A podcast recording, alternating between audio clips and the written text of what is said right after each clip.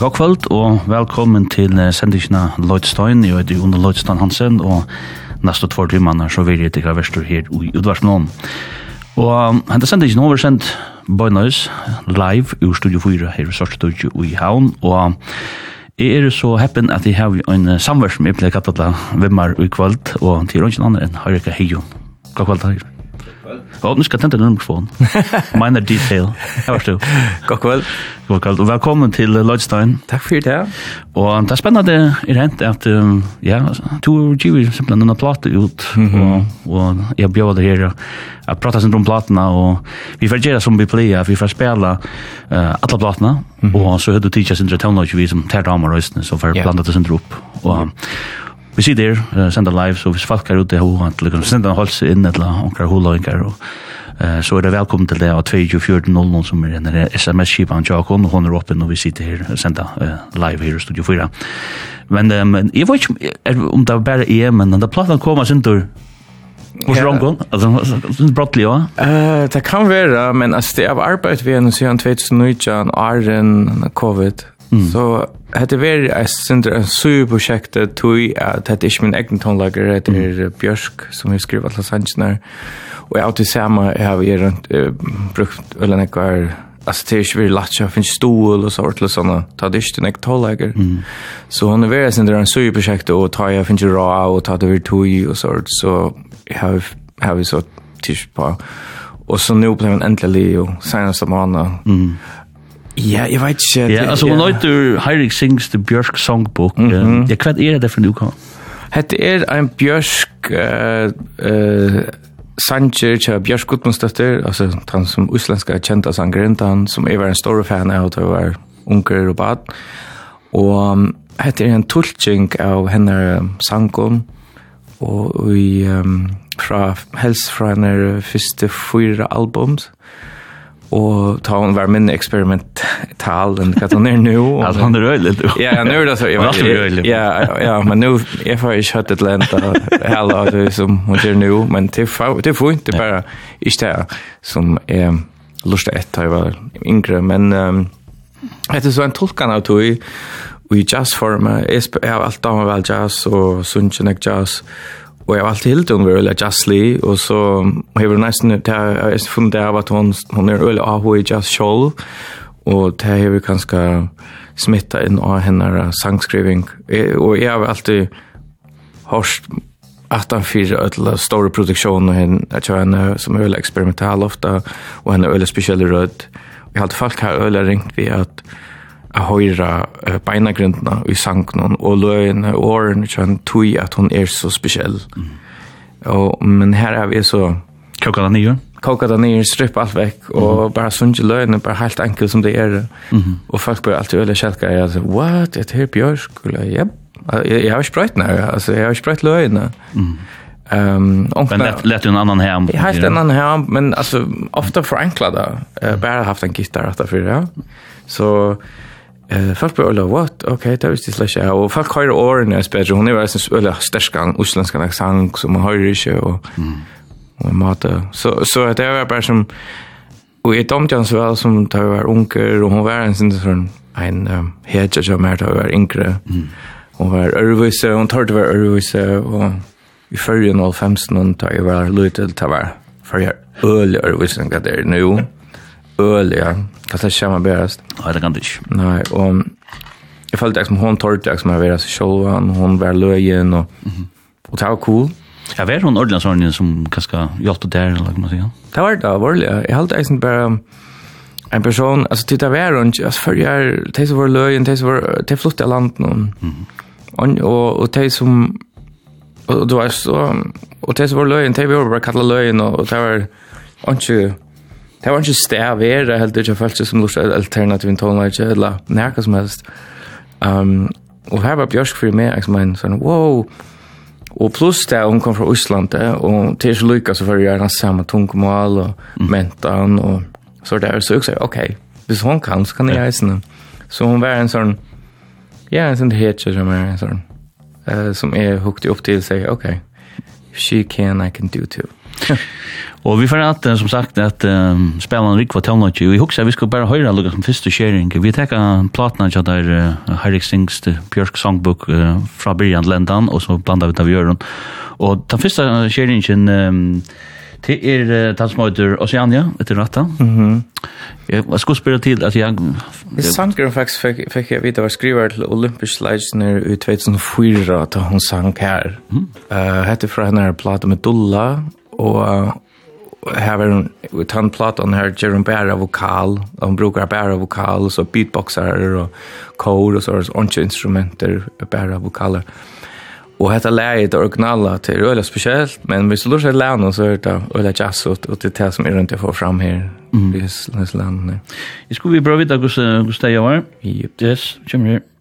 One breath away From Mother Oceana Your nimble feet made prints In my sand You have done Good for yourself Since you left my widow. joy Every boy Is a snake, is a lily. Every person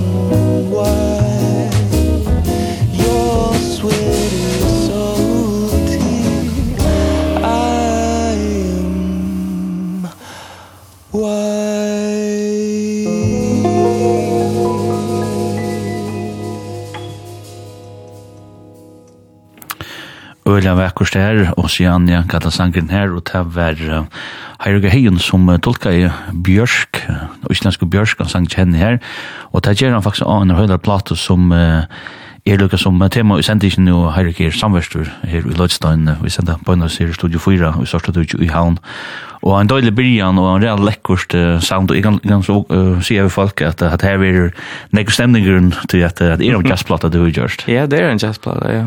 Alltså också det har alltså jag jag har alltid alltså haft det så att i minns jag alltid skriva till någon för länge sedan ja, 2005 eller också mm. att du skulle göra en göra en sån kronar och platt. Mm Du hänger kronar ut där. Ehm och det det du så görs det så. Det kan jag faktiskt. Ja. Alltså det så vi var mest bench för VHS platna, det är Det här det vill inte vara Michael Bublé. Det var liksom det var det första och det som det var och skriva ut liksom stryk understryka av och att det ska inte bli rätt. Men det är redan liksom dama han har det väl. Ja men alltså knäcka flor runt om lorsten.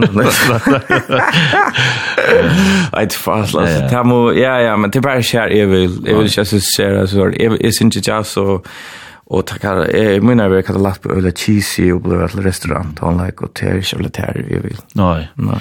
Men hvor er altså, hvor har vi hjulpet deg at uh, sette seg i platene vi nå? Altså, det er, uh, til jeg, og så her jeg skal ta av sen, vi bare har så, um, Som også arbeider veldig øyelig og annars også. han kan han kan finne på kvast. Han kan finna på han är en kameleon, han kan göra allt. Han är fantastisk. Alltså han kan vara öll projekt och och han är en jazzar i Isne så han var väl gå ut och hjälpa mig att sätta allt upp och framlägga.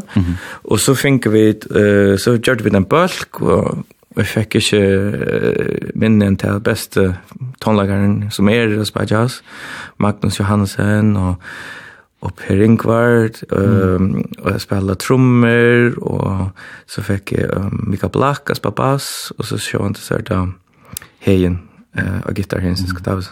Det er godt han var mann, liksom. Ja, det er en god mann, her, ja. Mm. Og så, nekker just musikere her der, Men så är det Jans Rasmussen uh, från Bursta, mm. som folk känner han. Ja. Han är som jag bland annat i Island. Ja. ja. Jag var väl lyssnad här. Ja, han då så för banka väl så. Hur ska se du given ut Er det er det er det platt eller er det är det digitalt. Ja, alltså jag helt fast flest lust att digitalen och tog jag väl på. Hette tog som är Um, och plus som sagt Arn är vi skriver lönen så. Nej. Jag får inte på sjur du. Nej. Så ja. Men ja. Ett lusta online så det får inte. Men att här är det har nog sån något byrå med alltså just kolla med vill men men det kostar det kostar några pengar. Ja. Ja, vi så plötsligt jag blir ordentligt expalt så kanske. Färdig gör det där. Ja. Ja, to eh gosse gosse runt dig upp på såna kväll kanske kommer från. Um, uh, Marius eh Sangren Siska. uh, jag lånte stått ju för honom. Och här får vi så som orkester att spela spelade vi nyckeln in. Mm. Og så har vi spalt Lars Nøkle oppe i Høydalen. Mm eh Her var det. Så, och det var åkna on and off. Åkna så det vi bare minne i bo. Uh, Nøkle. Var det spalt live, eller hva skjedde det gjørst? Ja, jeg ser som har helt orkestra til live. Mm. Og så det var liksom bare, liksom gammeldags jazz. Mm. Man tok det beste tage. Mm. Fort. Mhm. Mm jo, rulla rulla rulla läckert og, og um, det är som við ute vi sitter och sänder og är och och og Hejon och det är välkomna sent in och SMS chipan 2440 hvis det här var en bo så har det egen vitt vi skipan. Tur oss när när vi snackar vi snackar om platan du vi skulle jökna at att lära touch sanchen där. Mhm. Men jag vill be the teach um go on tone log som tar damer och du du har en öla go on tone log smak som man ser först alltså smak. Ehm du ratar ju då bröjer du fänka fänka nek vi mist. Ja, nog så bra. Alltså så smoke som gott att spela nu är det just så men så jag lösna kopa kopa cake och en grann. Yes. Det är ikke om vaser, som man säger. Han er godt syr, alt det. Men är det något som tiltar at det vi har något ting igång? Ja, jeg har, jeg har vel Brian tonlaga smak, og til anpak for humør, jo, i åkna lust etter surf tonlaga, og så country, og ikke country, jeg vet ikke om man kallar, kan man kallar Patsy Klein og sånt, men jo, jo, vi det han med gammeldags. ja. Amerikaner, country. Ja, amerikaner, og så lust etter house tonlaga, elektronisk tonelage, mm. jazz tonelage, så ja. pop, jeg vet ikke, er nok så, ja. Ja, ja. lust etter forskjellig. Du vet ikke at orkester vi som, som jeg har sett, mm. eller hørst du fyrir, eller mm. altså, som kommer av og framvidja med Goldfrapp. Mm. Det er et orkester som er fyllt for meg. jeg vil si at de spølker som Bjørs, eller Bjørs, mm -hmm. Bjørs som Løms, han har lust ikke et langer, mm -hmm. ikke da jeg var unger, men Goldfrapp lust igjen etter til at de då eller väl att um, det kommer alltid också nytt helt underligt från dem. Så det då hålls det sin spännande på något sätt och och det har och det var faktiskt det som fick mig att börja flöjta också snick. Ja, jag hörde det var sant där. Ja, och det har inspirerat mig väl när jag hade det inspirerat som ting som är ehm um, något tonlike för 13 och 14 Mm -hmm. Og um, sånn teknikk man brukte da, det var ikke nek tolv. Så swing, eller? Ja, jeg spør så folk av tonlager og så det her, at det, man bruker det simpelthen det som man hever eh uh, i stod alltså en liten rum bara klappar och flöjter och, och brukar händerna och sånt ting uh, som man inte brukar det alltså när det att allt per tilar. Mm -hmm. Men men ramar väl att det var så organiskt och Kvar det från sig kom från. Det är från England ja. Mm. Det är från Bristol. Ja, här som det mest kommer från. ja, det är det faktiskt. Ja. Det är stark tradition. Ja, här ja. och det bland annat det började Drama Chansen, James Bondi och mm. elektroniskt och men det är en spännande böcker i, i Vimmel och Atlanta Lustet. Du tycker John Sangers mot Lovely Head. Mhm. Vad är den? Nutjo gammal. Hetta er den fyrsta platan chat I'm som heter Felt fra Felt Mountain og hon er min oppi hals. Og eg halti er Janus Rasmussen ta som Matter og Sakers Johansen. Til en plata så vit øla binda han ikke om å bruke øyne ekstra referanse til video til hun like, og til en plata som vi alltid venter til, og det er nok stått litt denne platan her, og avskå okken øyne Ja, bra vidt også, ja, jo er det kommer her.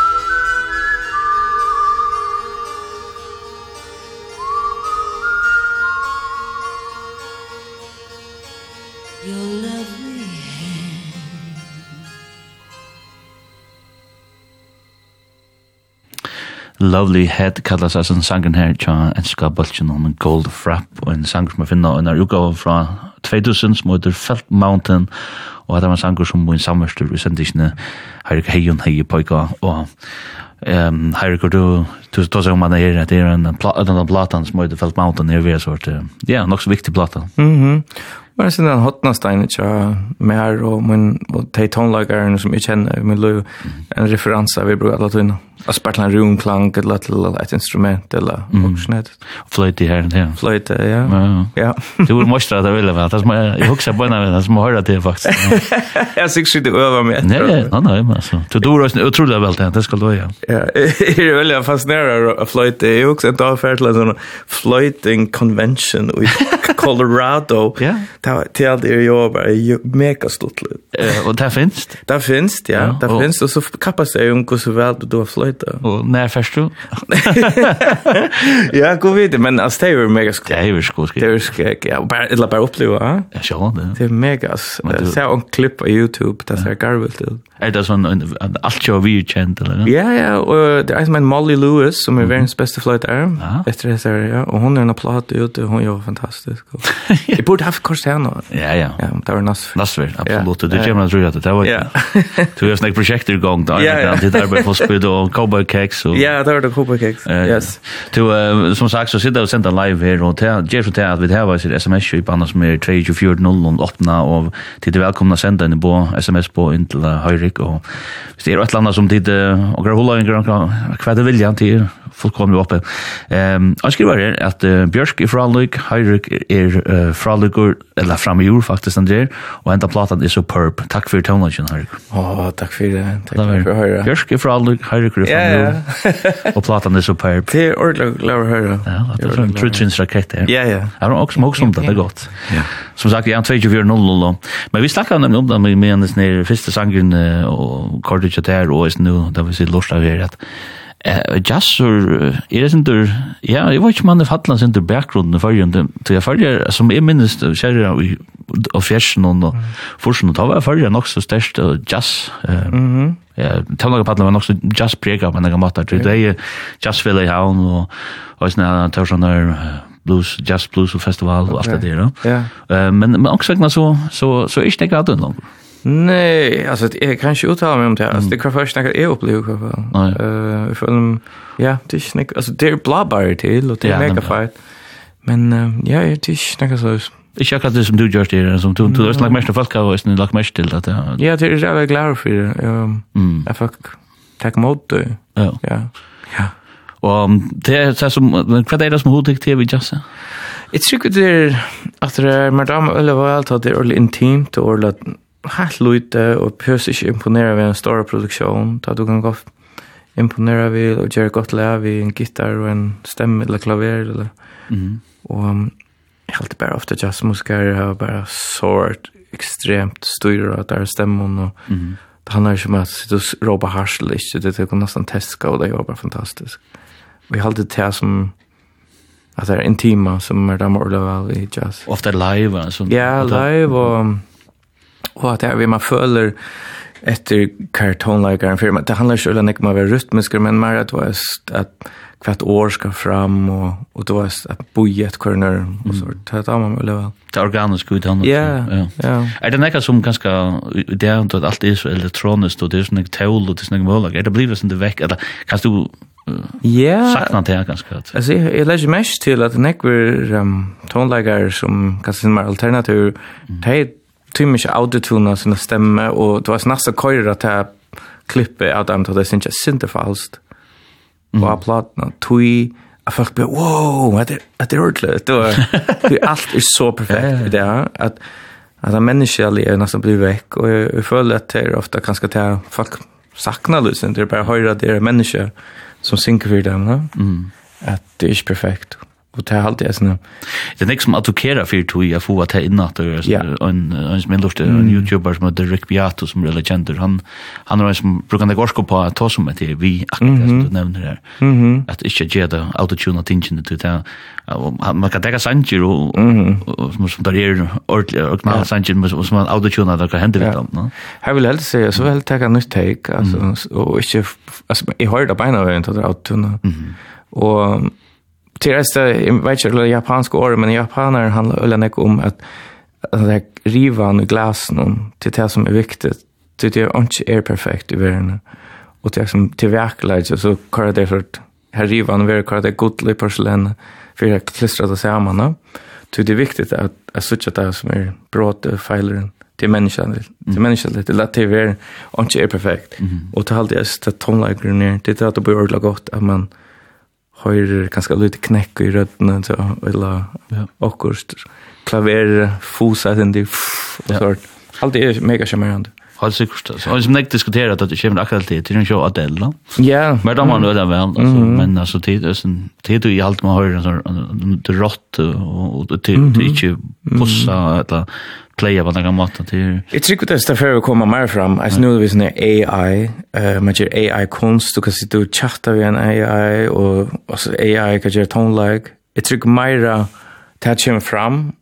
Mera organiskt kommer då. Det kommer mot svär mot det. Jag fast vet inte om det är en computer eller människa så ta att fuck för sig okej, jag vill höra du vet. Mm. Ehm har du da. Jag har också ordligt.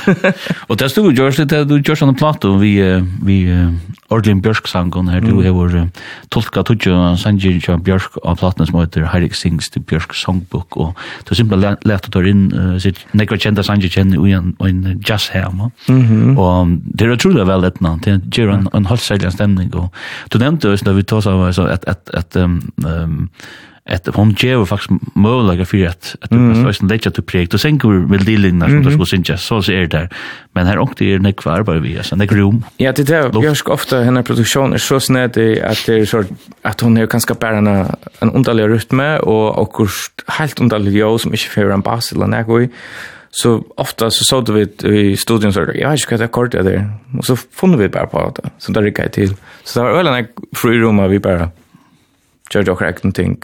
Du vet hon henne produktion så är så abstrakt. Ja. Är vi bara funnit på. ja, ja, ja. Ja. ja. Men det är ju en sån liten gåva. Ja, det är en liten gav till att man inte bör gänga slaviskt ett till som hon gör. Mm. Så det blev öla mot E att du samma. Det må man också säga. Ja. Det är ju inte mer just en plot till omkring konstnärer och suncha tar cover songs och det är ju akkurat lika. Vi är för att du vill göra a cover av omkring så ska göra det ett äckna som jag inte lugga sånt här. Så var det lugga visor som är en dålig amerikansk rockbalkor. Ja.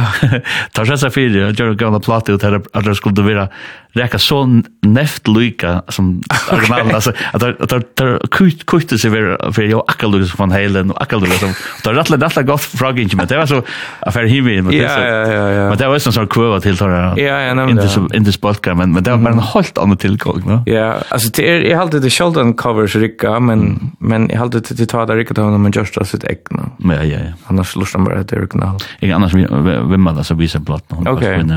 Men det är det nästa sharing av platt nu. Ehm och Konditor Cocoon. Mhm. Ja. Hette fra platene Vespertin fra 2008, og um, hette er Bjørsk som, uh, og en som heter Thomas Knack, som har produsert og skrivet. Og hette faktisk det sangren som faktisk bryr jeg løsning til hele, til jeg gjør det cover, jeg og Sakars Johansson gjør det et YouTube-video her, jeg synes ikke den her, han spilte så gitar, og han hever det mest views jeg har av YouTube. og uh, folk damer dårlig av og så sier jeg, ah, for program skal gjøre et annet, og så ble det et annet, og et annet, og et annet, og så ble det et leder. Så hette signatursang? Hette han som, da bryr jeg jo i alt. Yes, han kommer hjem.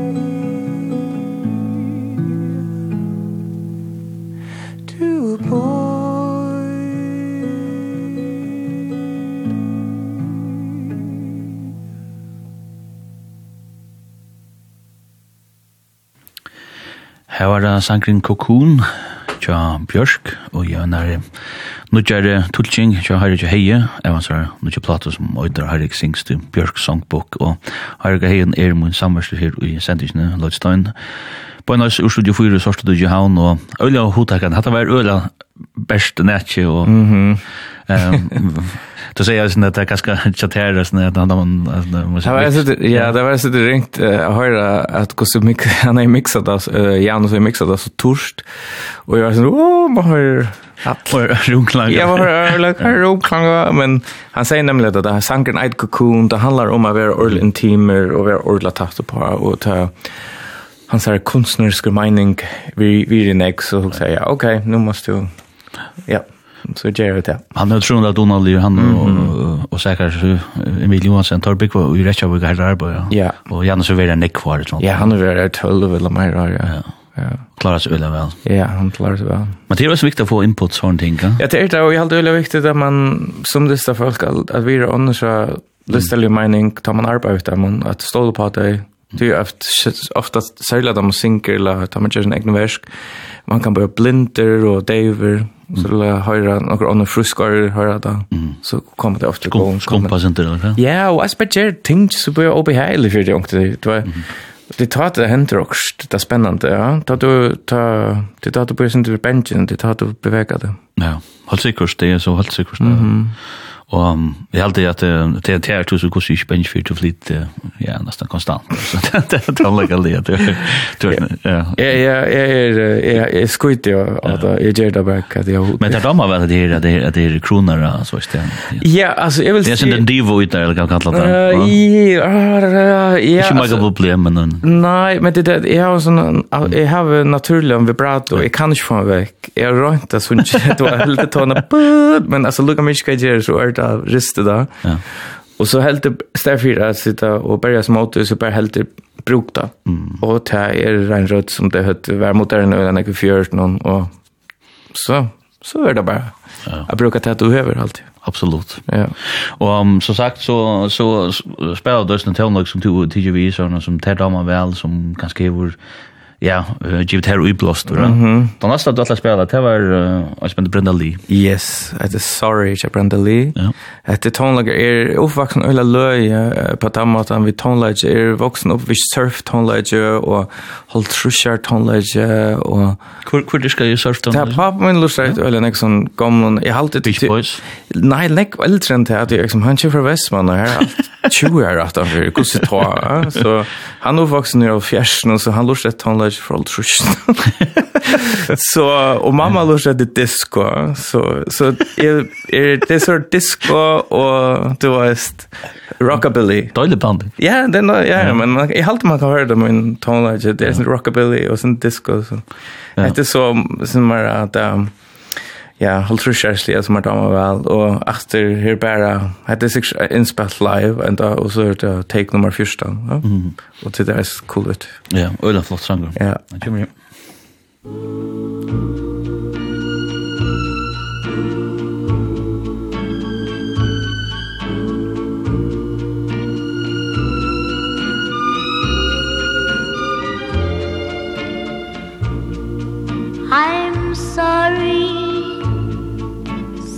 sorry.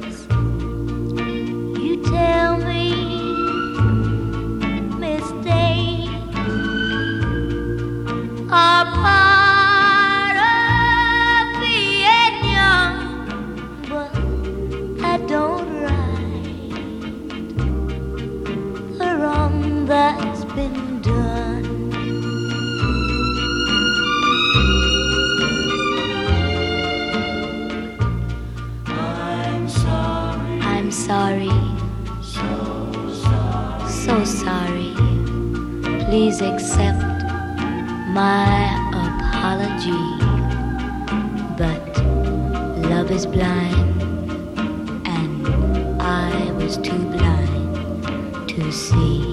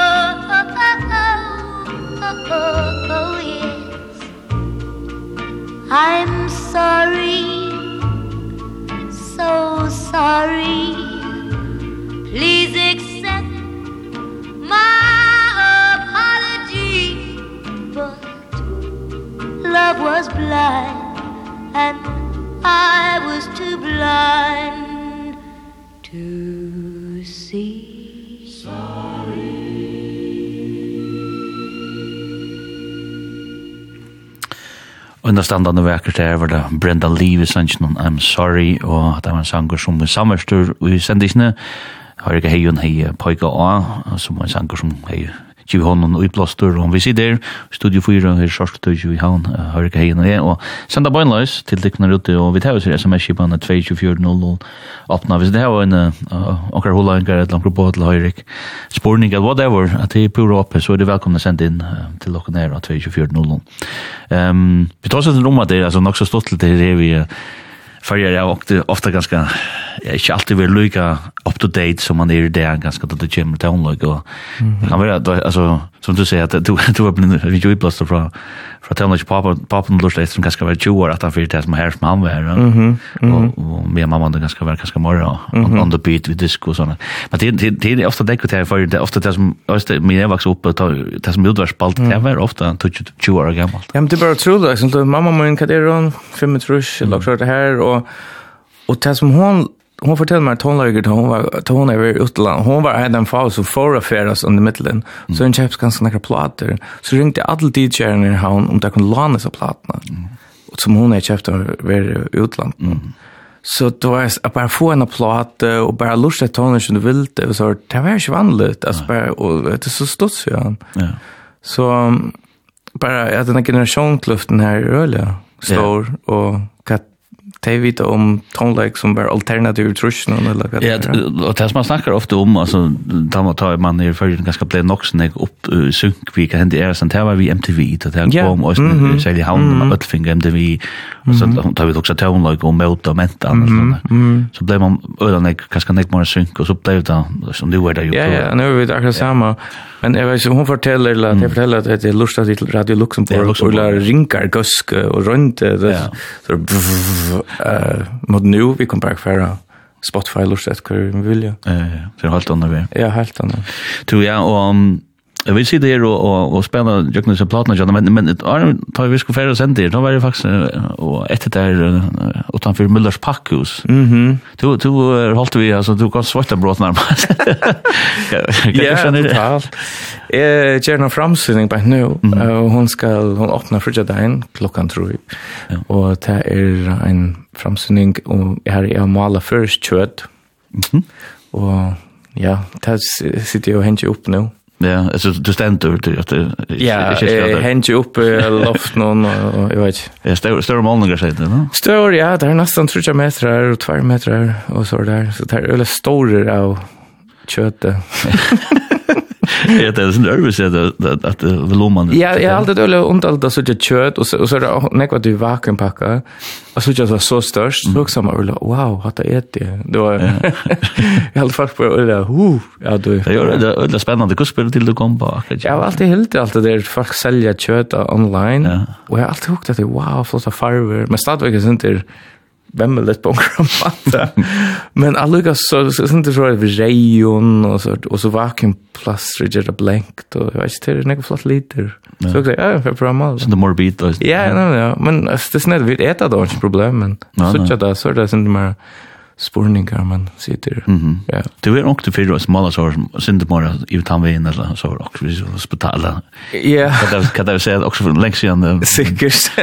Men då var det där det där synd du ja. ja. Mhm. Og, og, og du som så säger du inte det här arbeid, du du skulle ha sier, trycka med de målningar opp, og så så høyt var det loft inn her, sier du? 6 meter allt är så är sant det, och en stia och bara så. Ja. Jag var inte överlevt för jag den. Och det var klart tror jag att Ja, klart tror ja, Yes.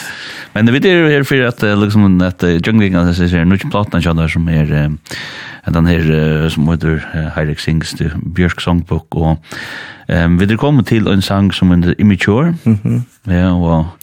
Ja. Du er det valgt sangen etter hans tema, eller er det bare ikke sangen? Nei, det er ikke, det er ikke sangen eller tema, det er simpelthen jeg har lyst til sangen noen og huksa hva er, og bare lyst er det beina grunden, er det lei, kan det brukes? Og er det ikke sangen som går, men det er ikke, ikke til jazz.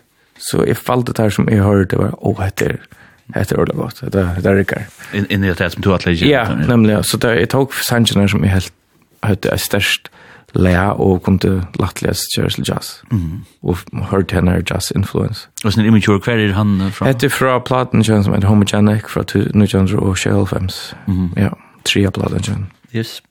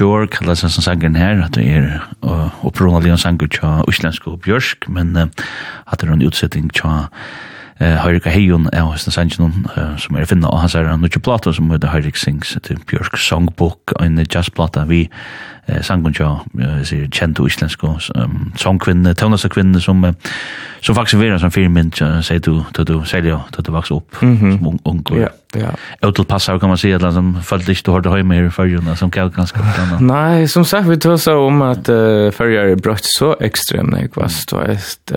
Det så var det övervis eller hade Bergensen sent mer övervis mining tech. Alltså den jämdel man säger en chinsna samlag. Ja, chinsna samlag allt alltså de flutte i landet nu nu.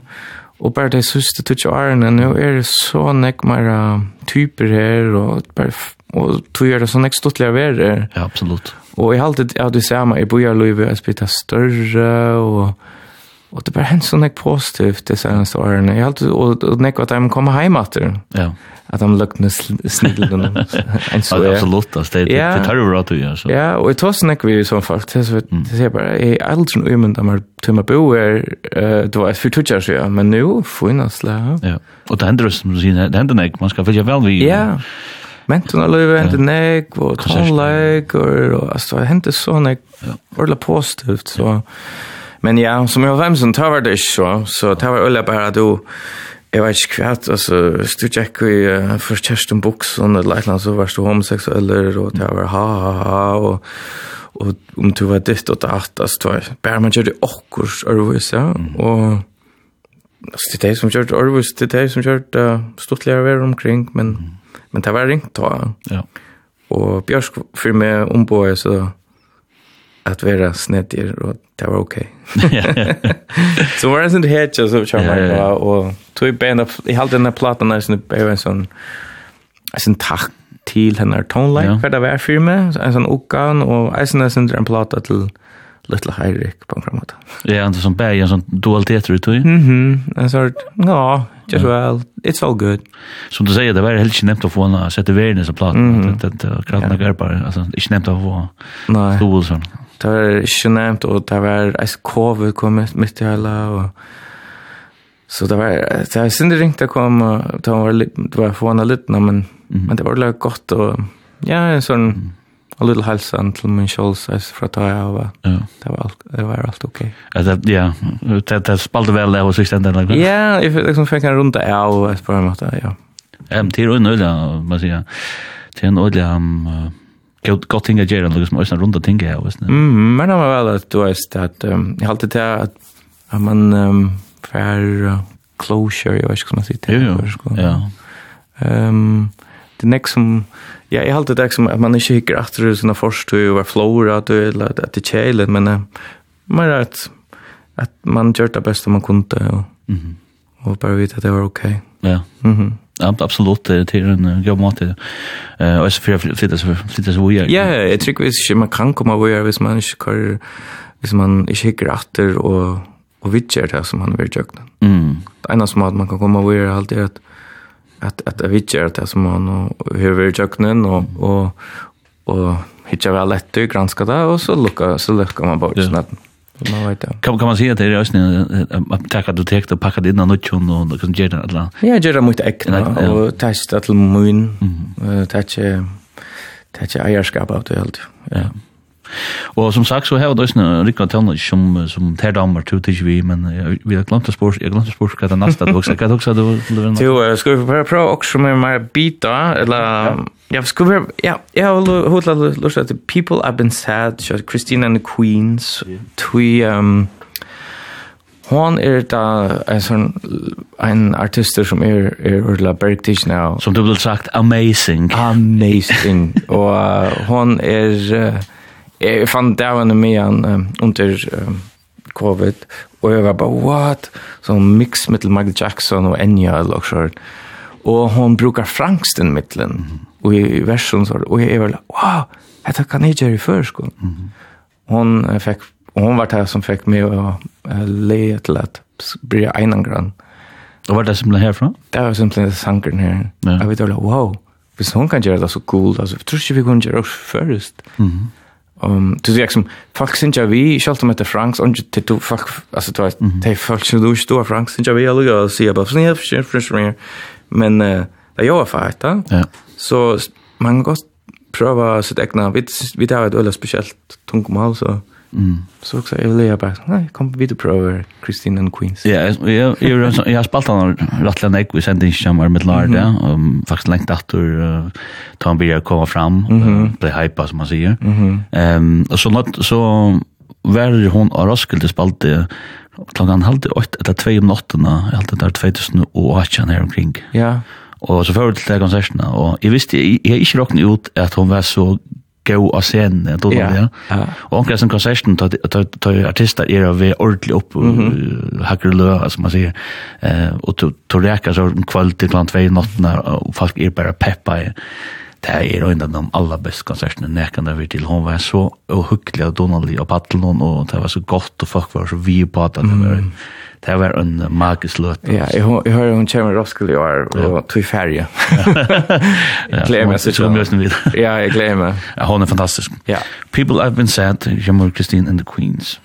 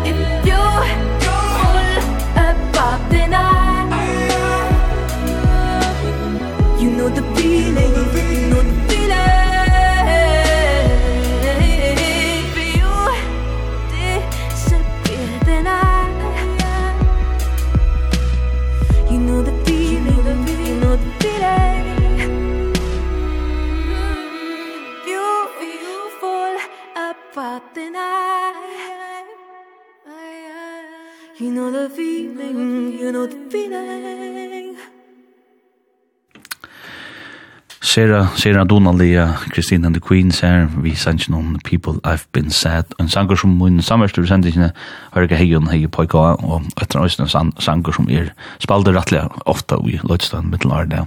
Fantastisk tøvnest av kvinnan den der. Mhm. Ja, minst ikke navnet, henne, men ja. Ja. Lugg med, whatever. Det var så fransk, altså. Ehm to ja vi vi det här då Hyrik Hayden i samverst i samband vi Hanne Giva han har platt ut som heter Hyrik Sings the Björk Songbook och till en ölla hotäkande jazzplatta näka så så som en först jazzplatta og i halde sjøver at hon fettler at øyla torst sted som man sier til mitt her var ikke nekker hava og hvis det er jazz så er det ganske ofte instrumentalt og ganske møyre ivro i møyre ganske sin møyre avbjørende eller sånn her møyre Hvor helt det er sånn, er det ikke båba, ne? Ikke båba, ja. Det er bare, nei, nei. Nei, men det er ikke rundt alt til at, ja, jazz är ju väldigt väldigt tujande pastor först kan ta några lund och så populära ton. Ehm men den nästa sången som du hörde till som mother come to me. Ja. Hette er fra hennes flest. Første plate som heter debut. Ja. Och i hese platen er alltid är det mest jazz ut til løyen er jo, altså jeg kunne nesten ikke spære hese platene som er debut. Men, Om också du det? Det var en løta, men jeg husker faktisk at Heaven Hever er snakker om en kål, så det er jo sint at glemt det borster. Så jeg valgte det som jeg helt var mest, eller ja, ja. nøkker borster. Ja. ja. Och så, Och, og, hva kan, alltså, det är her, sangen her, alltså, tekstlig är det, är det näka som vart på bara ett tonlösning eller betyder texten näkan nej för att jag står jag valt sangen så för jag heter eh melodin om om att passa till jazz eh men oj alltså i hade det här första plattan och jag var en öle romantisk. Mm. och så börjar man experimenterande över att skriva sanger om steinar och allt möjligt snett det där. Mm. Vi måste första plattan rulla romantiskt och kärlek. Ja, sen, sen var naiv ganska. Ja, en sån um, fitt uh, ung uh, isländsk dama som drömmer om ja. kärlek. Hör du början? Men då du ser ju resten att det är tycker lönen som som jag har jazz kvad är det du vill lust efter. Det är melodi frasnar och hur hon ehm ja, hver tonar hun rækker, og hver hun er tonaskalen, og ja, det er nok så ringt å forklare. Ja, det er det. Men, jeg spyr bare ja. Ja, ja, ja, men det er eisen oppbyggig av sangen, nekra sanger, altså det som jazz, det er ofte ikke men kanskje det sørste linjen i en vers er nila, ja. Det som blir endelig om at, om at, og det er sånn så Bjørsk skriver, själv. Alltså så muntla popsång med ja. vers nila. är Vers nila bridge och så där. Det är ofta inte jag björsk. Nej. Här som det är nog snäckt att säga och jag ehm Och just on like också nu då, det. Ja, det är ofta det är ofta vers och sen sista år i i versen är nila. Mm. Mhm. Och jag vet inte om det är det här som sagt, sen för lösa nu men det är ofta. Ja. to me. vi. Mhm.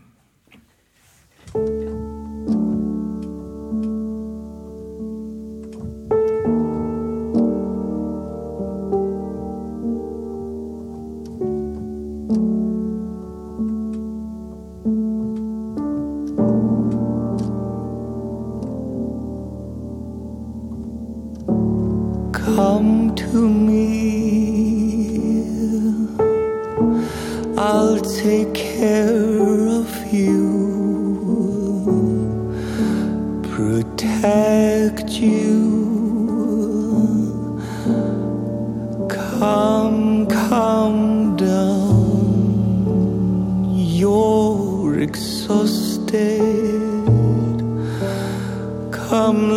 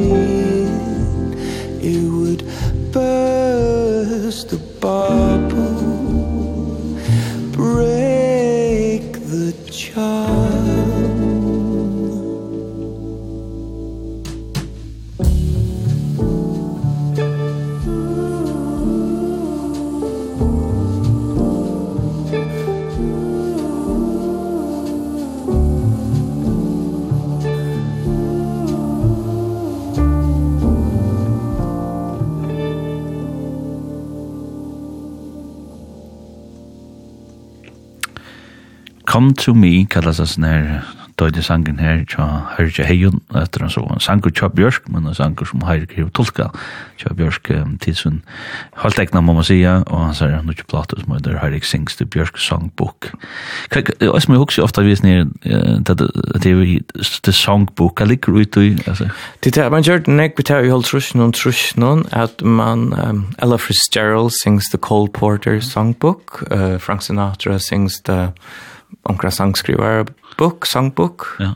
Det er nekvis sangskrivare, så, tog, så var det forskjellige artister. Velmann, altså. Ja. ja, så sier jeg Dwight, så sier det var, jeg vet ikke, ja, Ella Fitzgerald sings the mm. blah, blah, blah, songbook. Ja. Och jag at det att traditionen opp at, att man sang just standard. Mm. Och var som no, så syns jeg Björk så sångbok. Standarder. Ja, standarder. I Sjöland. Maybe. Du kan si jeg Østland ikke er til at det alltså det finns noen reaktioner eller kanske Björk. Nej, man får en jag hörde det från Björk men hon sig spelat tänka göra men um, Islandigar tar de alla väl är var akkurat i um, Morgoplanon som var det största playa i Island. Og det har skrivet en grein om det, så det har vært løst til det. Det kommer ut jo, i kvart heim i Islandet. Ja. Og det er jo terra drottning her i Islandet, så jeg vanlig at jeg får lust av... Hva er det spalt i utvarsbjør i sånne? kan Jeg vet slett ikke, men uh, jeg, jeg, jeg, jeg vanlig bare at, at, der, at, at folk var lust av arbeid. Mm. Jeg vet at det, det, det er en stor... Hon er en stor pastor at her ramenten. Ja. Ja. Jeg kunne se en to bo, ja. hvordan større i Bjørk, hva er det å si for Island? Uh, jeg, jeg halte, hun, hun var han som fengte korset. Mm. Uh, hun var han som åpnet nekva dyr for ære musiker og liste av folk her oppe. Til hun var så stor, og det fikk øynene opp for resten av verden. Mm. Så kom Sigur Rose, og så kom så framveis som framveis at nå, mm. uh, og liste av folk eisene, mm. fikk um, en paddel. Og hun gjør det ekstra enn jeg kvirde i eisene, og hjelpte vel. Mm Mm. Så det är viktigt att ha sådana sådana som gäng undan slår fyra. Ja, man eh man det ska inte undervärderas alltså till entertaining eh branscherna. Mm. Det tar så folk inte att det är lust efter. Så still vill ja, så man ska inte undervärdera det. Nej. No, ja och stola timon. Men du som sagt bo några river så kvat kvat er det som tar gjer eller då At då eller några betre enn vi eller kan ger då då för for få mer uppmärksamhet altså. Det som många føringar og islandingar er til at tar hava for banka go skjolsalid. og vi tar inte. Tar og tar skjuta då, tar gjer det bare. Ja. Du visste at du var bättre eller något sånt. Men tar bare ja, så gör det. Jeg har ikke rett og jantla og eller nekst år. Det er bare, ah, det er jo cool, kom gjør det. Jo, jo, ångstene for det er alt for lengt, og enda gale og sånt. Men det er tårer. Før en gang er det, nei, altså, åh, åh, du, du, du. Henter ikke, måtte det liksom, det er ustendig bare, ja, vi gjør det. Ja, ja, hvis det ikke ganger, så ganger det ikke. Men vi gjør det. Før en gang tårer, selv om det her var minst løg og vører jeg selger. Men det er tårer ikke til det penger. Og jeg vet ikke om det kommer fra Ringkund Kjallside fra å være under Danmark eller kvätt är jag vet inte det är men um, det här var ordentligt inspirerande att vara här uppe och så tjocka så garvet till det Jag lärde mig vad det Ja, jag lärde Orland jag också wow, jag hoppas vi får en gång. Borde finns jag lust inte En shows lite boost. Men jag kan ska kämpa. Nu har vi tagit om halv fem snor sen jag månader. Ja, ja, ja. Jag nu tror jag kan ska det. Men det är väl så 20 år rätt annars. Ja, ja, ja. Så kan ska vi få en shows lite nu. Ja. Men det är ju så bilder som att lukta synd det att man är det är mer morgon liksom jag som du säger man tar det bättre att man man rösten snoftar mm. av till förskan. Jo, alltså alltså med att ja. och någon och, mm och nu har det kommit alltså nu har jag sett det så väl att det kommer skuffelt av av flera folk och nu är det sånt och bönder som vill drivna det men men men men att det är vi att att i minsta så där var att det ser så själva missionen som är. Mm. Det kan som det skiftar ju också här. Vi hade någon för en kontor kontrakt eh Jean han hekta och samma vi fingar något landstyr ju vad det kom alltså nu nu ju anti in akata men men knappt så var vi då se en vi såg det hukt och och redaktionen här som arbetar kring kvarten att nu var det se en så var vi det BBC vi var alla sen vi var morgon sending det var så champions sändningen då nu knappt så knappt nu upp till förringar som bygger över sidan Danmark och som bygger sen chaft om att för det kanske vi existerar det existerar nu så jag det knappt en halt är nej nu ska man lämna det hem och ja ja så så är det att att det det är rösten att det rösten nekar till vi att ja Ja, man får vita att man existerar. Det är som att man har varit en liten batten i familjen som blir bara glömt. Och plötsligt, wow, är till? Okej, du vet. Alltså, man är människa och bara den idén att man får vita att man är till. Det är inte något om Ja.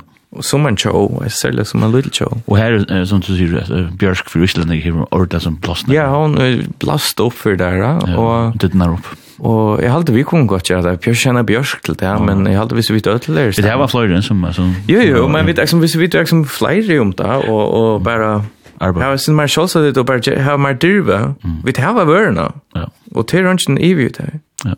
Ja, og jeg er glad for det, liksom, hva at um, FMX gjør bare til dem, mm. som Glenn og FMX for å få først kantonlag ut i verden. Hva er det som det? Glenn gjør bare, liksom, det som vi aldri har haft for, at vi plutselig får en rødt innenfor tonlag, han kører kun ut av festivaler, sånn, det mangler vi stol og sånt, det er en, og, mm. uh, men, men han fær kunne ut og plutselig fær på, wow faktisk, nå er det en god tonlager for førjen, og man bør bjøre til forskjellige ting og, og och plötsligt börjar följa vi här ute. er och kat arbeten som glöm hur vi görs. Så og det var vi vi stilla rollt kommer vi Ja, ja. Og og i allt bara spurning tog så Ja. Så börjar vi föra en grej som säger, hej, vi borde kanske investera lite mer och just nu. Ja. Det här är det en Alltså svenskarna den största utflyktningsföraren till time är tonlägare. Mm. Eller kus en av dem. En av dem ja. Helt nummer 1 till 2. Ja, han går upp på topp 3. Ja, ja. Och till en öle stor vinnare. Ja. Och vi tar tonlägaren till det så. Ja. Och lista folk, ja. Ja, det blir det hänt något som du säger. Mm -hmm. Men ehm vi skulle ha en en, en sang som du har är ju vitt här till en som två och arbetar nästa gång vi heter här en synder en unsung hero halt i show i first control En uh, unge människa som har arbetat steinhast vi uh, vi tar lodge tas man kallar för man kallar det för lo-fi eller såna kan det det just jag vet inte det säger hur eller kallar det kallar och såna kan.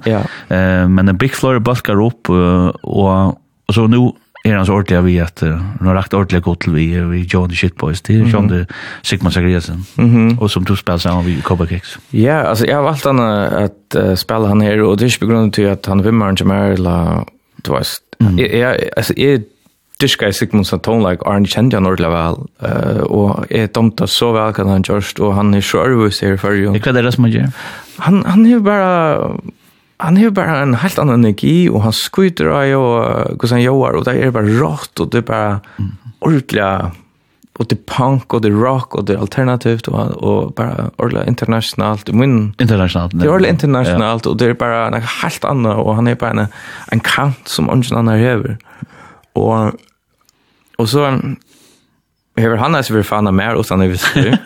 Hever oj för att okej. er eller what? Okej. Jag också fick det bak så det er sånn. Ja, og han är stor fan av mer Er eller what? Og så var vi i Island till Airwaves spalte. Og vi såg den bar og drog shots like jeg heard Og vi sa hey he burde just tone like someone. Och så ja kom til country. Jeg bara ja, country Du vet, jeg elsker det gamla country. Og det gjør vi så, det var mega skrekk for meg, det er jo så stor fan av honom, men vi er reallig ørvise, altså stemmemessig, da. han er som er punk, og ja. er, som du sier, som er kroner, og så var det bare, hvordan gjør vi det? Men punkrasene, det må fungere, altså.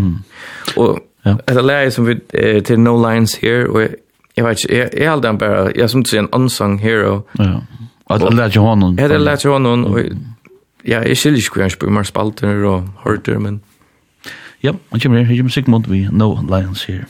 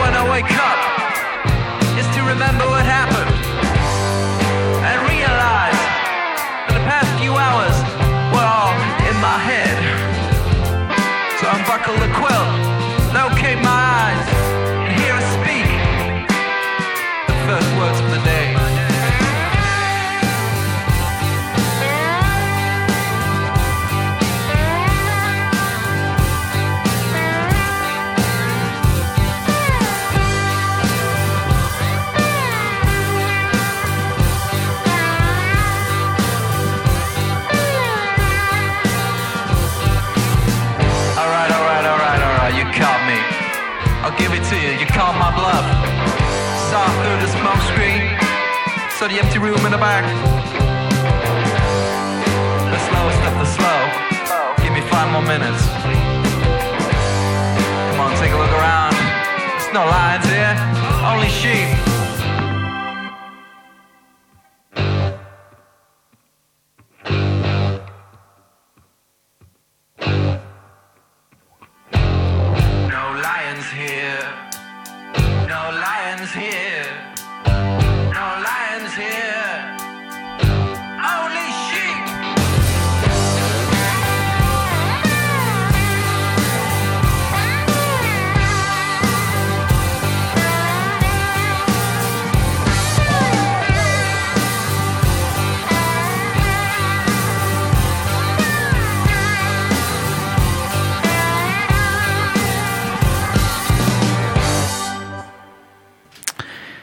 Ja, fighter uh, punk rocker eller ja, bare rocker her. No Lions her kallar sangen her, det var en sanger tja Sigmund Zagreasen eller bare Sigmund som man kallar seg, han spiller solo. Og um, det var uh, min sammerstur sendingen i Høyrika Heijen som heier pojka hans sangen her.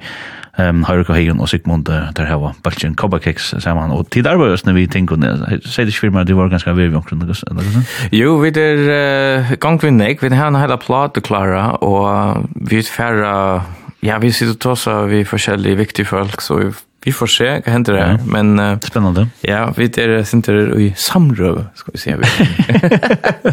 Negotiations. Ja, det stått er, vi sitter i redda bøyna, så er studio 4, så er studio i havn, høyre kve, og, og folk er, sånn det, vi vet alt som høyta folk, og det er velkomna sende inn uh, 2240 sms på hvis jeg har holdt seg til Høyrik eller et eller annet anker hundlaringar, men det finnes jo sin dørvis sms på her. Her ønsker jeg gode verster, vi prøver atter. Og en halsan til en som mega fitta døttor, syster og moster og syrgutton vi takkar for vidkjann i Oslo, tøyen tjekk alt og kjøtt. Jeg sett lukker nu just arv noen, hetta blir spennande. Klem fra åkken øtlen i Oslo, vi det ikke høyre herska lije, Kara Morsen, uh, han er spesielt nevntur, Donald i Meur, uh, Kara Morsen sa det, uh, vi allmenn starv, vi kunne gå kunde bara spalta annars där men men men, men ja hade alltså hade alltså det. Hade alltså det. Jag kan se det där. Jo. Jag så alltså han hon sett på. Hon har sett på. Ja. Tack för det. Ja. Men uh, vi skulle jukta den hela platt så där vi vi har en extra sån gestor till in hon flyr oss där. Mhm. One day. One day heter det ice for debut. Och hette är uh, en sanker uh, som Jag också kom på också helt annan och så spelade Hejen lika en sort bossa nova riff. Jag bara yeah, let's do that. That's fair. That's project that as nova Och det räcker faktiskt då väl. Mm.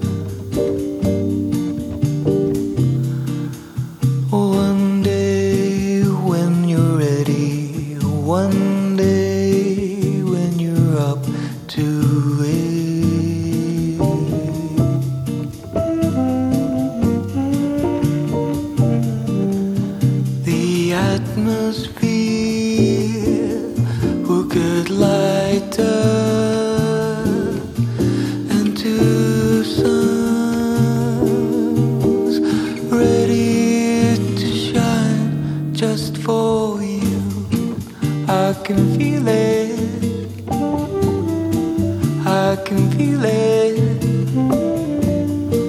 I can feel it. I can feel it.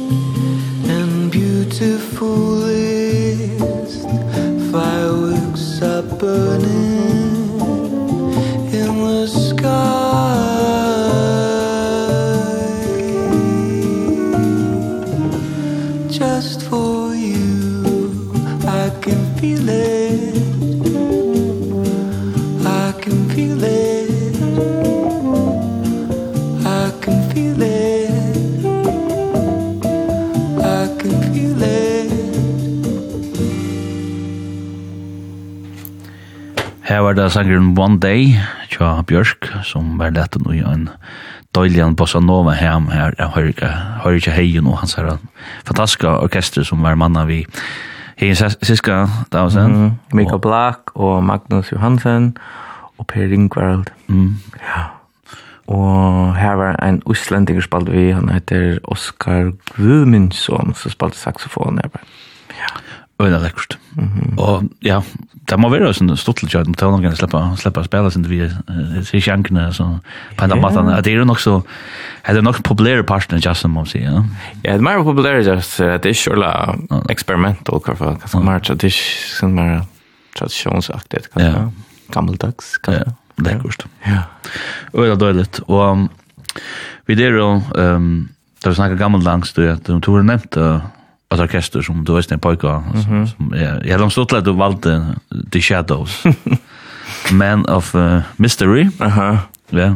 Ja, jeg elsker The Shadows. Jeg elsker Tone Like fra Old Russian och Russian og langt efter. Alltså ta jeg funnet när någon sang så liksom åh funnet funnit någon sang han för mig en tree chat va och han då jeg, är är ja altså, det var vad kan du så nu.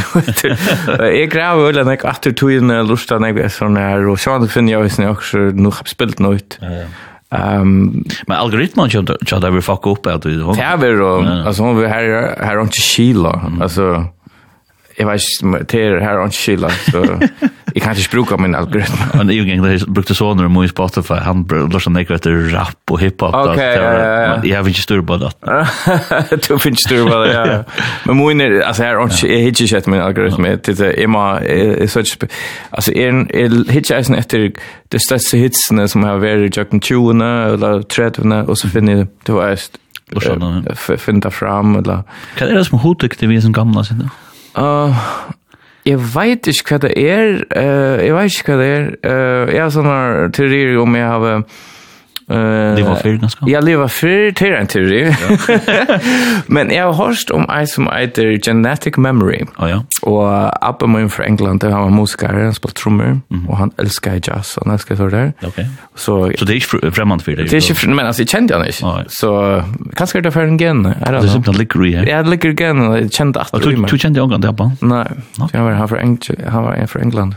Men du var inte han, han dömde jazz? Han dömde jazz och... Intressant. Och han älskar ja han älskar exakt samt tonlag som jag gör. Själv om jag mamma men alls fortalt mig att det är Ja, det till något så löje. Ja det är spännande. Ja ja men alltså jag vet inte kallar hur himmel, gör alltså genetic memory alltså det är sån alltså hvis det trauma kan köras igen mm -hmm. rävlig människor så tror jag att go men kan köras igen. Ja 100%. Mhm. Mm Så jeg kan skjer det også til å gjøre. Ja, det er spennende, det er spennende tanke. Men det er særlig 13 og 14, jeg vet ikke hva det skjer her. Men her er så sundet langt framme, kan man si. Ja, hette så alt trusjene trusjene. Hette så Man of Mystery, tja, The Shadows, og Men drama var så hørt, og hette har vi tidsi vi Cowboy Cakes, hette sin til her, her det her, og Sigmund kan skal ordla møtast. Møtast, det er nemlig i sånn her tonelage, at det bare er sånn der surf og det er der rock og och ja, heter heter ja, heter nog så kopislet. Yes.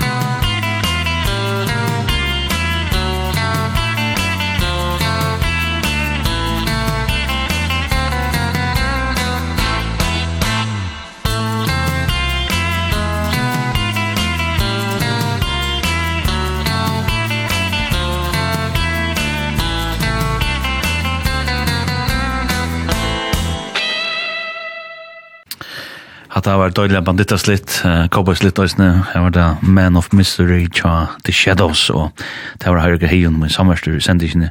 Og i kveld som er pågående her fantastiska klassiska sendisjene her, ordentlig. Og du sier at her er nekka som tid i cowboy cakes, uh, her ångstende rinne saman mittel Theo og Sigmund. Ja, vi lurs øyla nekka etter sånn Koppersligen tonlage. Surf tonlage och så där. Ja, och så där. Ja. Det är spännande vi vi vi kommer på plattan så du ser är så för så klar. Mhm. Ja. Men det det också kanske få det sen längre ut. Ja, vi tog så nämligen att uh, nu man gör det så gör man det ordentligt och jag nu att uh, FMX hjälper oss sån så ja. stod av hon så tackar vi alla möjliga vi gör. Det var då uh, till Airways, ha? Ja, jag fick uh, så gå omhåll från Rolling Stones och allt möjligt. Det var mm. crazy, det var mega cool. Ja. Og det som ikke vet hva Airways er, det er Icelandic Airways som er en sånn bransjefestival, där. Ja. og i Reykjavik, mm -hmm. och där från Ari og det var ødelegget om på han fra forrige år, det var faktisk en film der, no? Ja, Guri og Mario Stisi, ja. og Brimheim, også, no? Brimheim og Janus, Janus. alt, alt, ja, ja. Og her, her er det ofte ødelegget større, for du og, og, og, ja, så er det noen på folk og platefell og hva var det, ja. Ja jag kan kan man bara share i John Chipless blir upp det här faktiskt den morgon men det ja kan gå vara jag minns det Charlotte för det går man ja. Så det är en öliga paddler runt för ja mega mega ja. Og hadde hade vært det der, sen just vi tar vært i Paris og vi tar vært i Rennes transmusikal var vi vært, og så var vi eisen i Brighton og spalt. Til The Great Escape. Yes. Det er vi rett nå. Mhm. Ulla, spennende. Her, her er faktisk kommet sms inn av 2400, og Eh, uh, vi kan skriva Høyrikur er en fantastisk lista med over vi er Trudjon evnen og eia for detaljon. Er det nekka vi han ikke doer? Vinnalega ein eh, halvtrus pluss. så vart det en blink. ja. Ja, kan se det här. Ja. Men det är inte ganska nog kall folk. Tack för att SMS är dåligt. Och vi kommer till ja, The Banger alltså en av de största sankarna tror jag. Heter den en av henne, um, största singlen och hette var fra henne första platta Atter, mm -hmm. och hette Venus as a boy och hette han nog som flest folk känner som ja. känner Björk. Sangen här var näka sån så alltså jag tilltalar han till sunt tog eller men eh jag hade det jag var jag var slash tolkasning på han, man kan lika som Venus as a boy det lika var. Och till ända nu är det efter det första plattan var ordla romantisk och sitt bara det drömmer och och nu har mött en drunche som är så verkar mm. och han är liksom en drunk av Venus ja. som man fuck och Hesen Sankeren, han er så opplagt der, Jura Jazz, det er sånn en av mest jazz-kjøren, så jeg kunne ikke lette være ikke cover av. Nå, ja, det er jo. Och så den är den bästa. sangen. Ja, så heter den. Kjemmer igjen.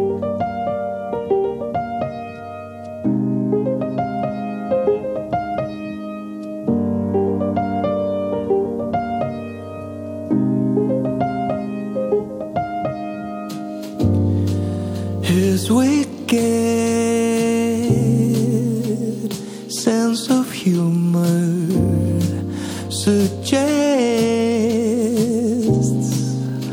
exciting sex. His fingers they focus on her a touches. His venus as på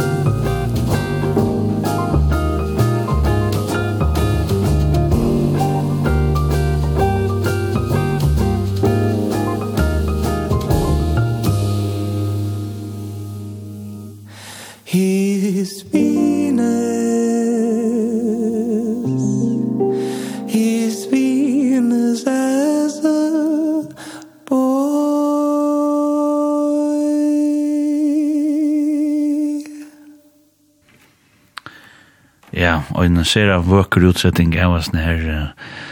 Jeg så større hitten hun Tja Bjørsk, Winnes as a Boy, det var Høyre Hegen som hei hesa tolkingina, og tolkingina er finna hans er mykje plata som utur Høyre Sings til Bjørsk Songbook, og en døylig jazzplata som, ja, som faktisk kom, for meg var kommet, ja, bortsett ronken nærmest, jeg visste ikke, det var gong vi til her, og Men det stod til det at det kom sånn i rush på denne måten, og til at du heller fast i sin tradisjon av de sangboka. Jeg har også hørt noen som på om at noen manns i Sundanland som, som har faktisk har sagt at ok, må vi gänga att onkra sangen här är otroliga gåvor av splatten här. Som annars inte lust att jeg si. Så också räcker du her. Ja, det håper jag. Men det är läckert, lekkert sort östen til at, ja, så vet jag kväll eller nu skulle det gjerne bli vara, men att det sånne. Ja, hun har lille løter. löter. har löter, ja. Mhm. Og hvordan er, er, er du glad for det? Er det rævla nøkter uh, på tammaten at det er att uh, som vi tar så har att jag fått ut i världen och fått att sin av Ja, krossa krossa det. Ja, ich krossa ja, mer men alltså man får där jag håller bara som ehm ja, får det av jag vet inte vad man säger för så get it off your chest. Det vet jag ska man där för så.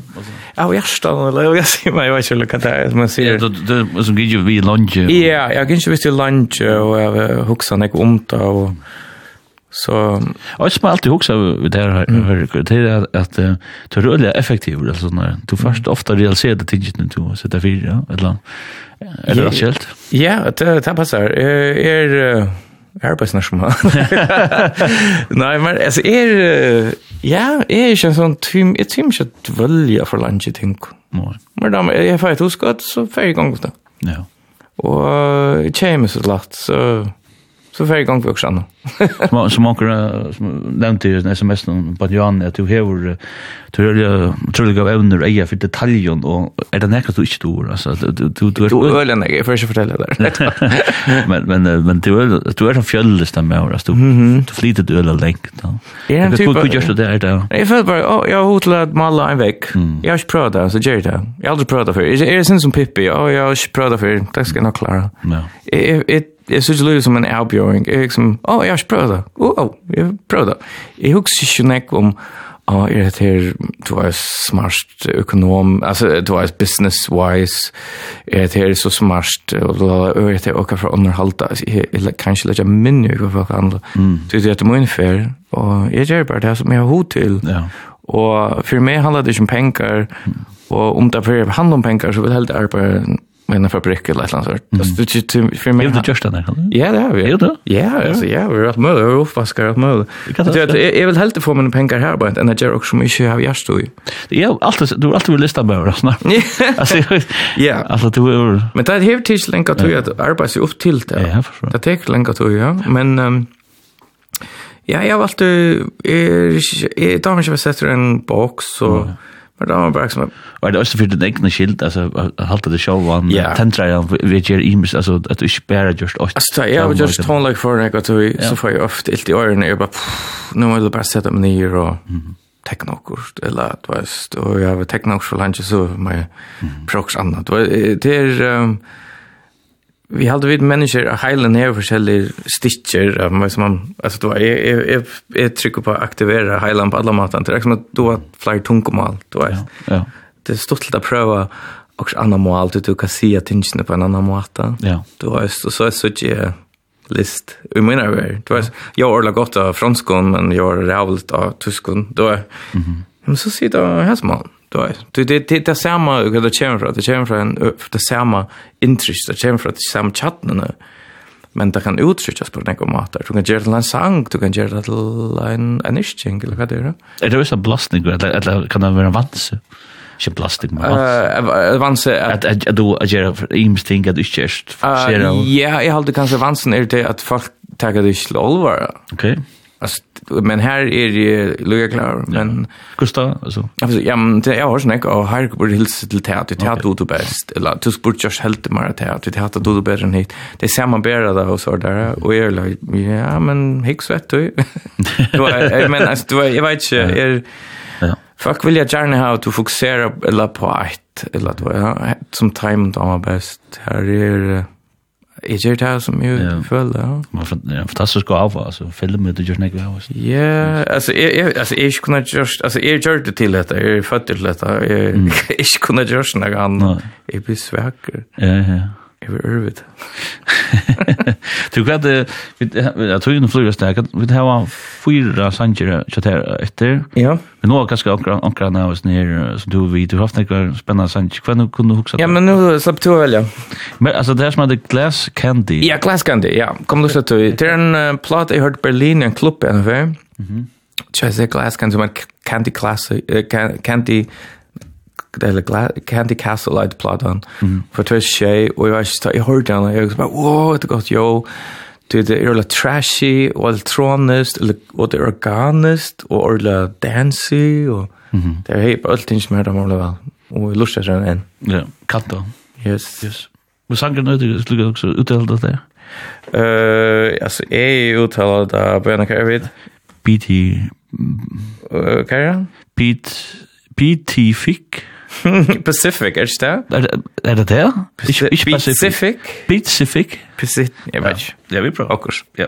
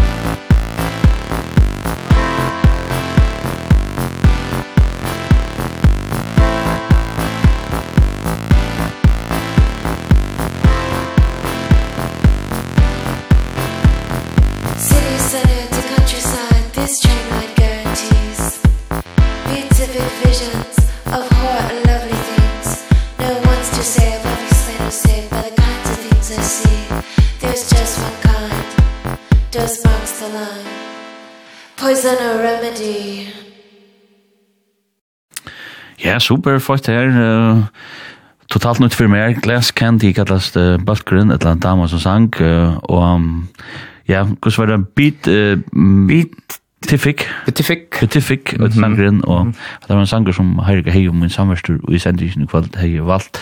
At det var, sier du det kanadiskt? Mhm, kanadisk uh, elektronsband, som vi fann det av uh, Tyra Berlin, så... So, är alltid det tar ju hör också Shazam i hela lust. Det hör också ju. Ja, Shazam det där appen från den det. Ja, jag älskar jag älskar för något nytt. Jag manglar alltid för något nytt. Ja. Jag har algoritmer funnit något där. Og och i røver, så du har jo også och kostar tiga som man Austro vi här rösten som er kanadisk, Ja. Ja. Det er faktisk nok sterk, Ja, elektroniska paddlar. Ja, det är ja. Nå men tog en lubra som fra, vi skal nå ehm Sanchinar att Sanchinar plattan jag där Erik. Miss you sent nas för. Ja. Hette är för plattan post fra 55 og ta var är kämpefan. Eh det var liksom the high point halvt fem av sex år. Kan det vara 12 också? Ok, ja. Og um, Altså, hvordan er hur snägg annan lust att og din aldrig. Angel lust Bjørsk og min aldrig. Det är ju Brynjar så snabbt att komma. Vi lust etter han han lust Prodigy och vi lust att Björk. er det hooks ju om. Det her er jo istället sin det. Ja, ja, så elektroniskt. Eh men hooks om det til öliga løy en 12 år gammel dronk, lust lust men det var bare noe som till att ta seg til mig så mm. Jag har bättre tonlägesmakt över lydel enn jeg har nu alltid. det er ikke fortsätta det. Ja, men du har jo ikke det som er for flowsless. Ja. Ja. Ja, men uh, så so I miss you heter um, ja, heter en uh, fra post og her er er en annan jazzsanger som heter Also Quiet fra typ platen. Så här enda att hon flirtar vi jazzen. Han er ordentlig jazz. Ja, så her kommer I miss you.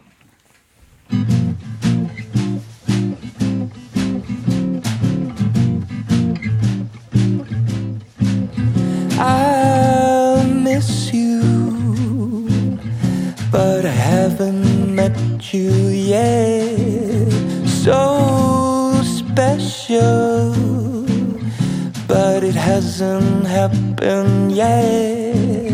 You are gorgeous. But I haven't met you yet. I remember. But it hasn't happened yet. And if you believe in dreams Oh, it's more important That a dream can come true. I will meet you. I was speaking, But it hasn't happened yet. I haven't been given My best souvenir. I'll miss you But I haven't met you yet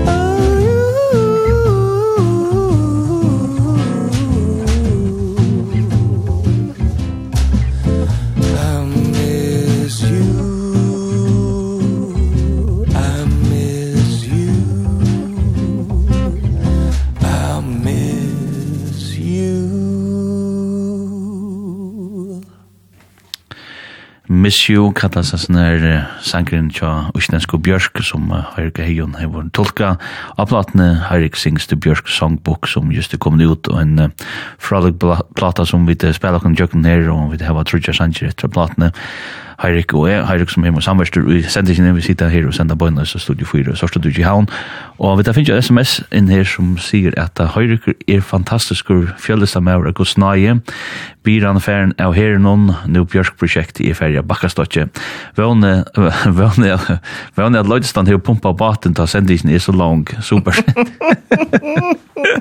at det gusir onker som vet at, at jeg pumpa en bat. ja, pumpa er det, han har det. Nei, jeg hukte til han, da jeg var etter der nere, ja, ja, okay. nere i Mullers pakkes, og han, han, han fleit. Han fleit, ja, det er det viktigste. Hvorsmann må starta det för ovaner. Men det finner vi det.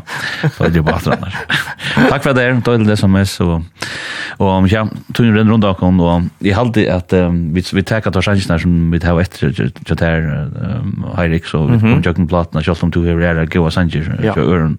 Ehm all neon like. Mhm. Hesse sankeren er fra platen Homogenic fra 1925, og hette nemlig en av timene som folk ikke uh, känna. Ja, jag jag måste Nej, det ikke en single. Mm. Men uh, helt att lära var så verkar men jeg jag hade ringt inte höra. Annars nu är det röstplata hon känner inte. Ja, hon hon ble ordentlig story at han. Mm. Men uh, jeg følte at det läge eh uh, veldig pent men men produksjonen og det upprunala var veldig eksperimenterende og, og, og forskjellige ting och jeg prøver å gjøre och helt mm. enkelt og det er så mye mot mot mot tack att han sen tut på. Mot på så där tack mot tack ja ja inte mot tack med husa tätja ad ja not to you halo all over me. I'll come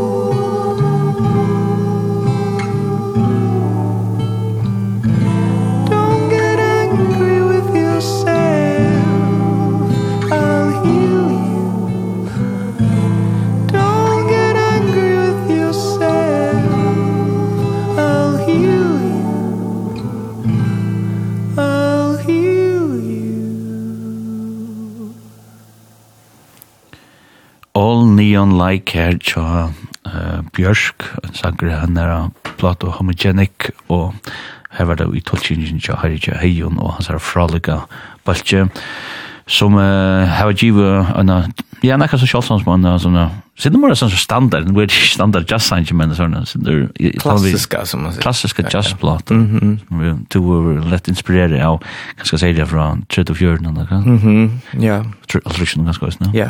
Ja. För att du är ska in. Ja. Og det er en døylig toileplatta kommer så. Erik sings the Björk songbook. Og vi er vi kommet enda, vi, vi teker lukka og studjøkene i vår om klokkan etter, og vi har et for sannsje vi skulle få spalta av sannsjene, så har vi vi tjøkken alle sannsjene, alle sannsjene, alle platna og, og um, við så det var her, det er My Spine. Ja, hendet My Spine er faktisk fra en B-suje. Så det er ikke en akkurat plate, men det er fra en sånn remix-album som hever, som er Telegram, og han er fra 5. Og her er en forskjellig remix av, og så var det til ei som et ekstra le. Og alt til det var nok så stort litt le, men, men med henne er melodier, men det som var atter for henne var bare klokker som ringte. Ding, ding, ding, ding, ding, ding. Så spillet var frukt hva vi kunne gjøre. Mm -hmm. Så vi funnet bare på akkurat, det var Per som gjør noen trommer, og, og Mikael gjør det bass, og det, vi, det var spalte vi det sin rundt, og mm. trompeter och så. Så det var sen du bara ett stort lit eh, pröva och det var sen du mer foto i en hinsang jag vill gärna ha en sang för trommon att till alla hinna ha och bara kostar och så blett så pröva något helt annat. Ja. Yep. Sen bara big band. Mm.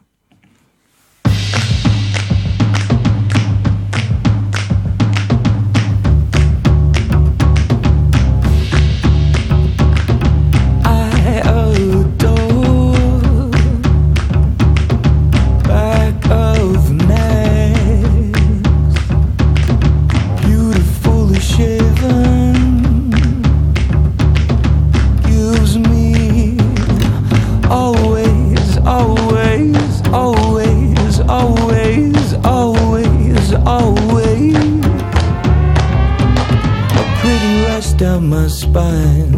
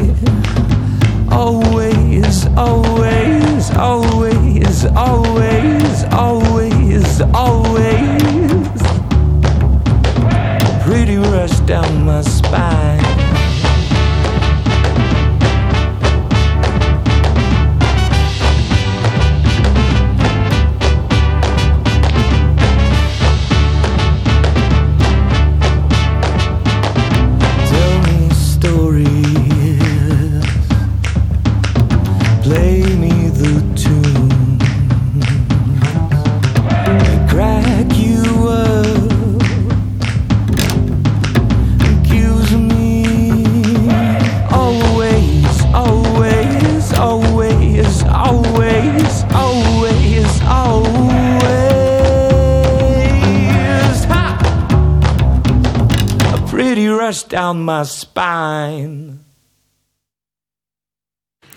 Ja, så finner du det, fått Det gav alle sørste her, alle de Heirik, det var øyla første der, Maisbein, Sangritja Bjørk som Heirik, og han sier han døyla orkester hei uh, tolka, og jeg ser frammerskjæren platene som heter Heirik Singste, Bjørk Songbok som vi der vi jøkken, nu da Heirik har vært samverst i sendisene, og det vil var en øyla håndalig løtta, vi der liksom kom um, til enda annan, og sendisene klokkan er nesten ferdig, og jeg vet, ikke, men det her var en sang etter som vi skulle nå, Det var jeg, hva sier det var, okej. Det var ordentligt stolt. Ja.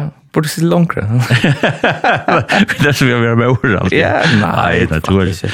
Det var massa grejer du skal ha med skrive, till. Ja, så det tog jag skrev och börja just med det. Ja, ja. hva er det du har skjalt vi for det. Eh, framsyning var första dagen klockan 3 i Müllers Backhus och där var framsynning som var med kött och det är kött är vad mal efter eh mynton jag från fra bönton på nätet och Facebook som där säljer. ja, och fristar och något. Först med att så. Ja, ja, först med att det var just Så så när kvar det var säger höll så där och jag allt där flott där så. Jag har bara målat du mynton från fantastiskt. Ja. Och det var myndlars packer så kus lunch hungrig den. Och ner ett postne så kom förbi. Kus några målningar är en sån här ja, nutje Champions Men, ja, men se, det var det var hadde det største målninger du... Ja, det är det största største ene mål. Det är trutje meter som har dem, så it's big. Men det er jo där som måste som... Ja, det passar perfekt till så vi är väldigt glada för det, ja. Så, så det är bara för om man här och ja. som sagt, för en serie som man kallar det, av funnet malet, hon är så frutje den klokken, tror jeg. Så Så vi det där det. Yes. Och annars vi ser platten jag kus alltså kan det plana vi henne till det spalt en konsert och och att det är blabbar men det är jag kan inte mer än 100 100 fisk fuck in. Nej, jag vet inte. Ja, alltså kan du säga det? Ja.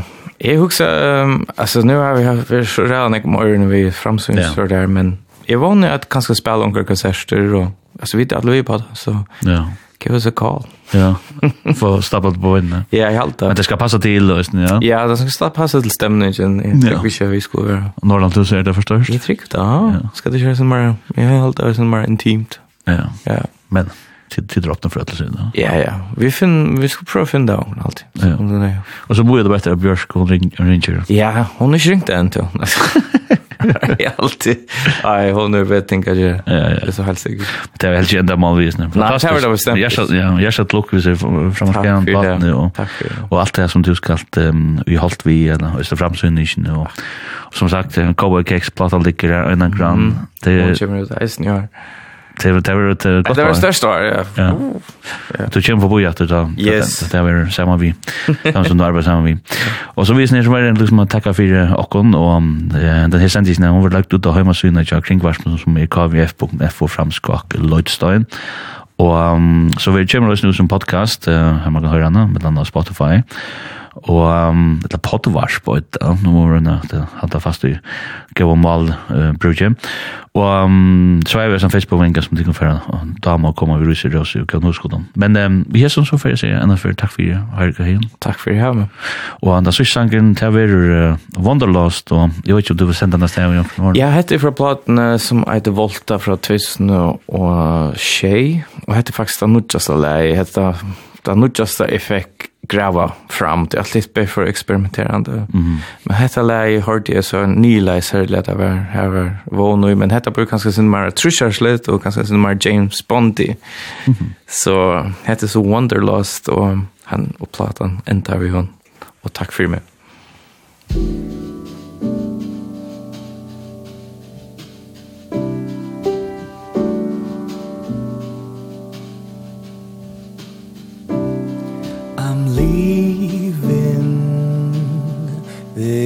harbor given her been a farewell it habitat seems to keen on guard I cannot stomach there rights and wrong. I lost my origin and I don't want to find it again where they're sailing into nature's laws and be held by ocean ponds wanderlust resentlessly crazy.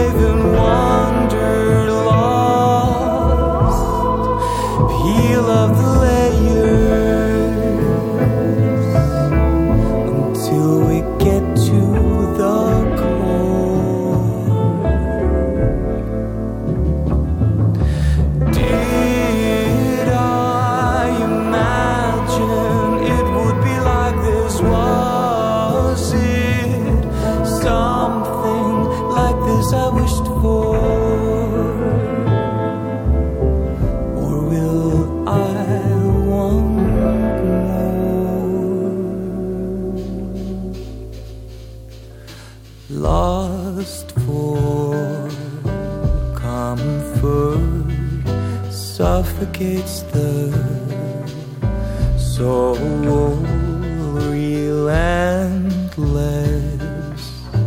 restlessness liberates me sets me free. I feel at home whenever the unknown surrounds me. I receive am on board of my floating home.